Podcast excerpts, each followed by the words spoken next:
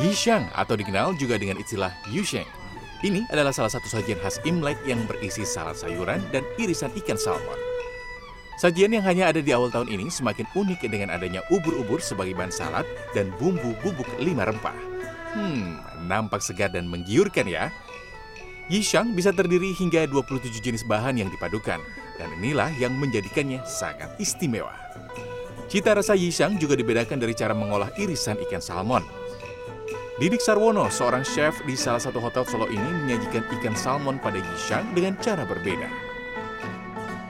Buatannya kita bilangnya curing atau pengawetan, pengasinan, biar itu nanti uh, airnya itu keluar. Dan proses proses pematangannya di cure, ngeluarin air dari uh, ikannya, kemudian kita smoke buat jaga humidity atau kelembaban dari daging tersebut biar nggak cepat rusak.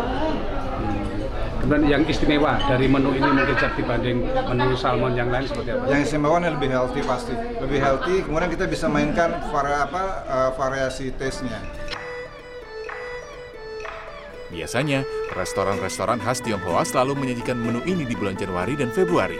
Alasannya karena Yishang dianggap sebagai makanan yang akan menghantarkan keberuntungan di awal tahun bagi mereka yang mempercayainya. Filosofis kehidupan ya, karena di makanan ini ada rasa asam, ada manisnya dapat, terus ada pahit-pahit bukan pahit sih, tapi agak getir dari jahe tapi lah kehidupan. Kayak semua jadi satu nih sayuran-sayuran ini jadi enak banget menurut aku. Untuk menyantapnya pun ada cara khusus.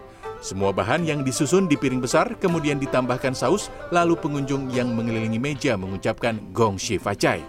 Barulah semua pengunjung menggunakan sumpit mengaduk makanan dan mengangkat makanan ke atas sambil mengucapkan lohei lohei. Dipercaya semakin tinggi seseorang bisa mengangkatnya, maka keberuntungan lebih besar akan menghampirinya di tahun tersebut. Terakhir, barulah hidangan tersebut dinikmati bersama-sama dalam suasana hangat dan penuh keceriaan. Sri Hartono, Solo, Jawa Tengah.